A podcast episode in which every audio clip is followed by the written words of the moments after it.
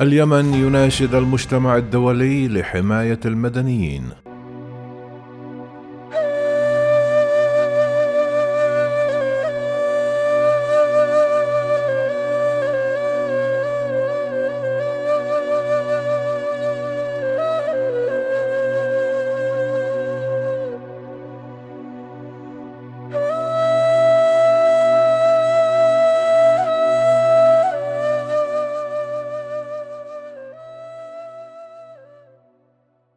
اتهم الرئيس اليمني عبد رب منصور هادي الحوثيين المدعومين من إيران بالسعي لتقويض جهود السلام من خلال الضربات الصاروخية الأخيرة على مدينة مأرب وطلب هادي وعدد من المنظمات غير الحكومية المجتمع الدولي بحماية المدنيين اليمنيين من ضربات الميليشيات التي أودت بحياة العشرات بالأسبوع الماضي.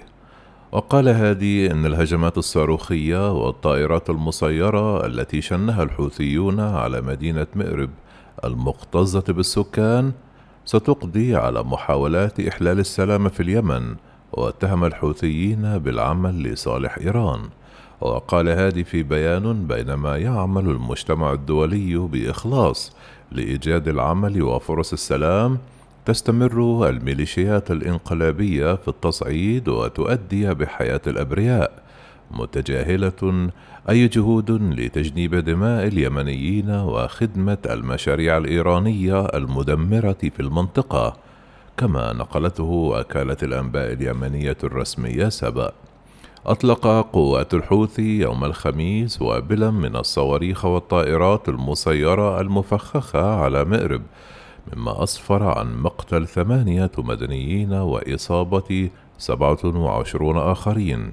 وبحسب ما ورد اخترقت الصواريخ والطائرات المسيرة مسجدا مليئا بالمصلين وسجنا واستهدفت لاحقا سيارات الإسعاف.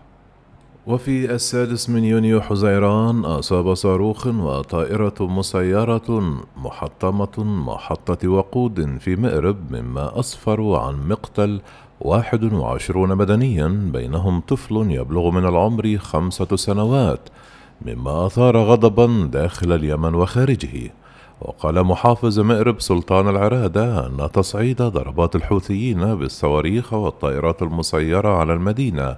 يثبت أن المتمردين ليس لديهم أي اهتمام جاد بمبادرات السلام لإنهاء الحرب الدائرة في اليمن. كما جددت الحكومة اليمنية الجمعة دعمها للمبادرة السعودية وخطة السلام الحالية التي توسطت فيها الأمم المتحدة والمعروفة باسم الإعلان المشترك وغيرها من المبادرات الهادفة إلى إنهاء الحرب مؤكدة أن الحكومة قدمت تنازلات لتمهيد الطرق للسلام. كما قالت وزارة الخارجية اليمنية في بيان أن الحوثيين حددوا شروطا لإعادة فتح مطار صنعاء بموجب اتفاق السلام الذي توسطت فيه الأمم المتحدة وأن الميليشيات تسعى لتحويل المطار إلى نقطة دخول للخبراء العسكريين والأسلحة.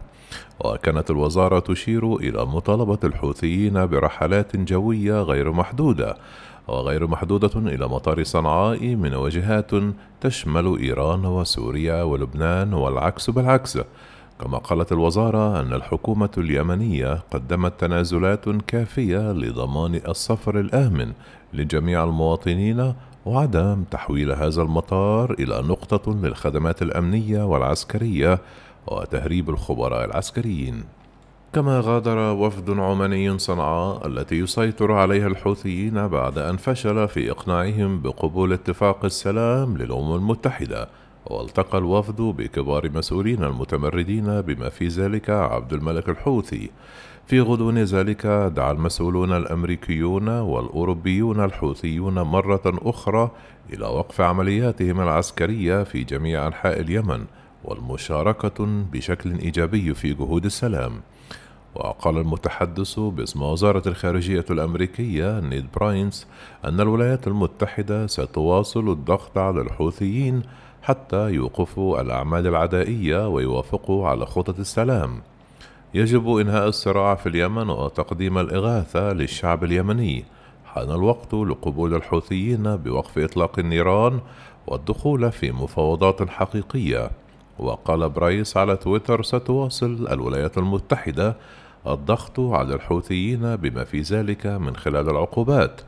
وقال جوزيف بوريل فونتليس الممثل الأعلى للشؤون الخارجية بالاتحاد الأوروبي بعد اجتماع مع وزير الخارجية اليمني أحمد عوض بن مبارك أن الاتحاد الأوروبي يقف إلى جانب الحكومة اليمنية وشعبها ويدعم جهود السلام الحالية التي يقودها المبعوث الأممي الخاص لليمن مارتن غريفيث